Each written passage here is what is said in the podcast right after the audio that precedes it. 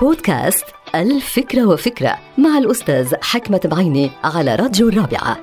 فكرة اليوم لها علاقة بالقائد الرقمي أو القائد العصري digital leader نتكلم عن هذا الموضوع لأنه في حاجة ماسة لقادة عصريين ورقميين في الشركات والمؤسسات وخاصة الشركات العملاقة اللي حاليا عم تبحث وتوظف موظفين مدراء وقادة في العالم الرقمي لماذا؟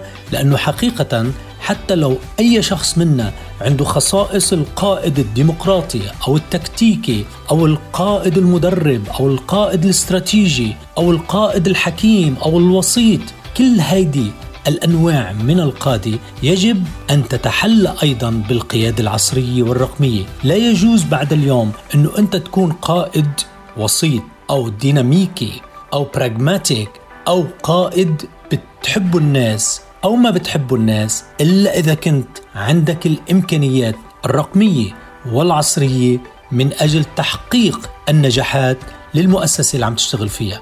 اذا يجب على كل إنسان إذا بحب يوصل للقيادة العليا أن يتحلى بخصائص القائد الرقمي والعصري، يعني إمكانيات كبيرة في مجال العالم الرقمي.